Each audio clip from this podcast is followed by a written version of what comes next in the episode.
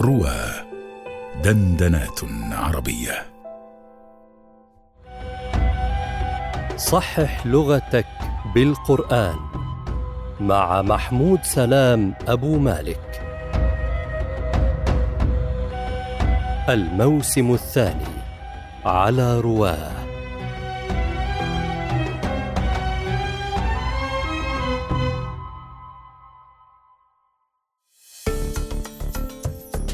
السلام عليكم ورحمة الله وبركاته. مطلع أم مطلع؟ هذا السؤال الذي تركناه معكم وتركناكم معه في صحح لغتك بالقرآن مع محمود سلام أبو مالك. في هذه الحلقة نبين الإجابة، والإجابة قد وصلتم إليها ما شاء الله وكتبتم لنا الآيات التي وردت فيها هذه الكلمة. غير أنكم لاحظتم أن آيات أو أن آية ذكرت مطلع بفتح اللام وآية ذكرت مطلع بكسر اللام. فما هذا؟ وما الآيتان؟ هذا الذي سنبينه. الآية الأولى قول الله تعالى سلام هي حتى مطلع الفجر بكسر اللام. والآية الأخرى حتى إذا بلغ مطلع الشمس في سورة الكهف. الأولى في سورة القدر والأخرى في سورة في سورة الكهف. ما هذا؟ ما هذا؟ هل بينهما اختلاف؟ هل هما لغة آه، واحدة أم لغتان؟ ما الحكاية؟ ما الحكاية؟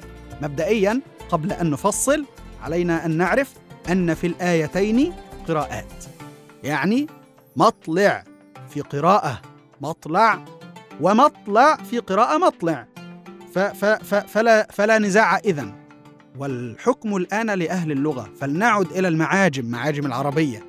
أول معجم اللسان لسان العرب. يقول لك اللسان طلعت الشمس طلعت الشمس والقمر والنجوم تطلع.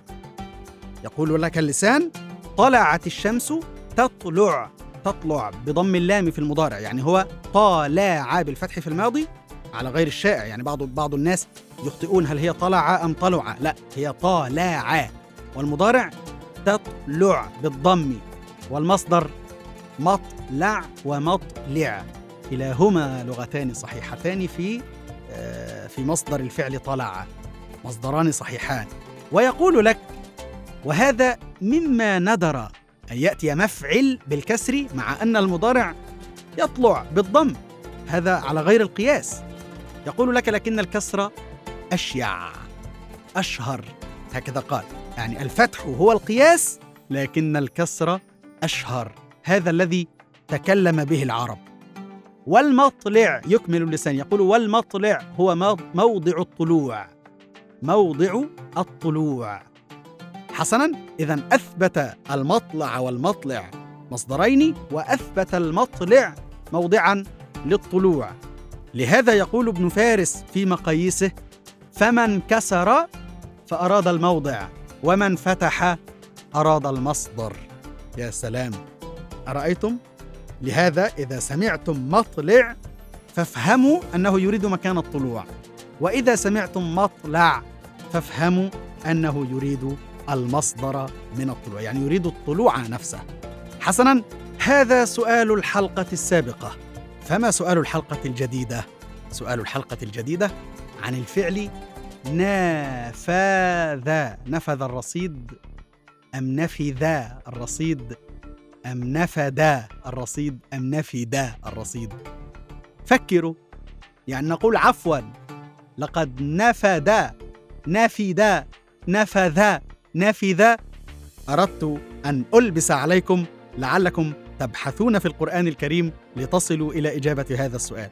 في القرآن لا في غيره. ابحثوا لي عن إجابة هذا السؤال وتعالوا نبين في الحلقة القادمة من صحح لغتك بالقرآن إن شاء الله. محبتي لكم محمود سلام أبو مالك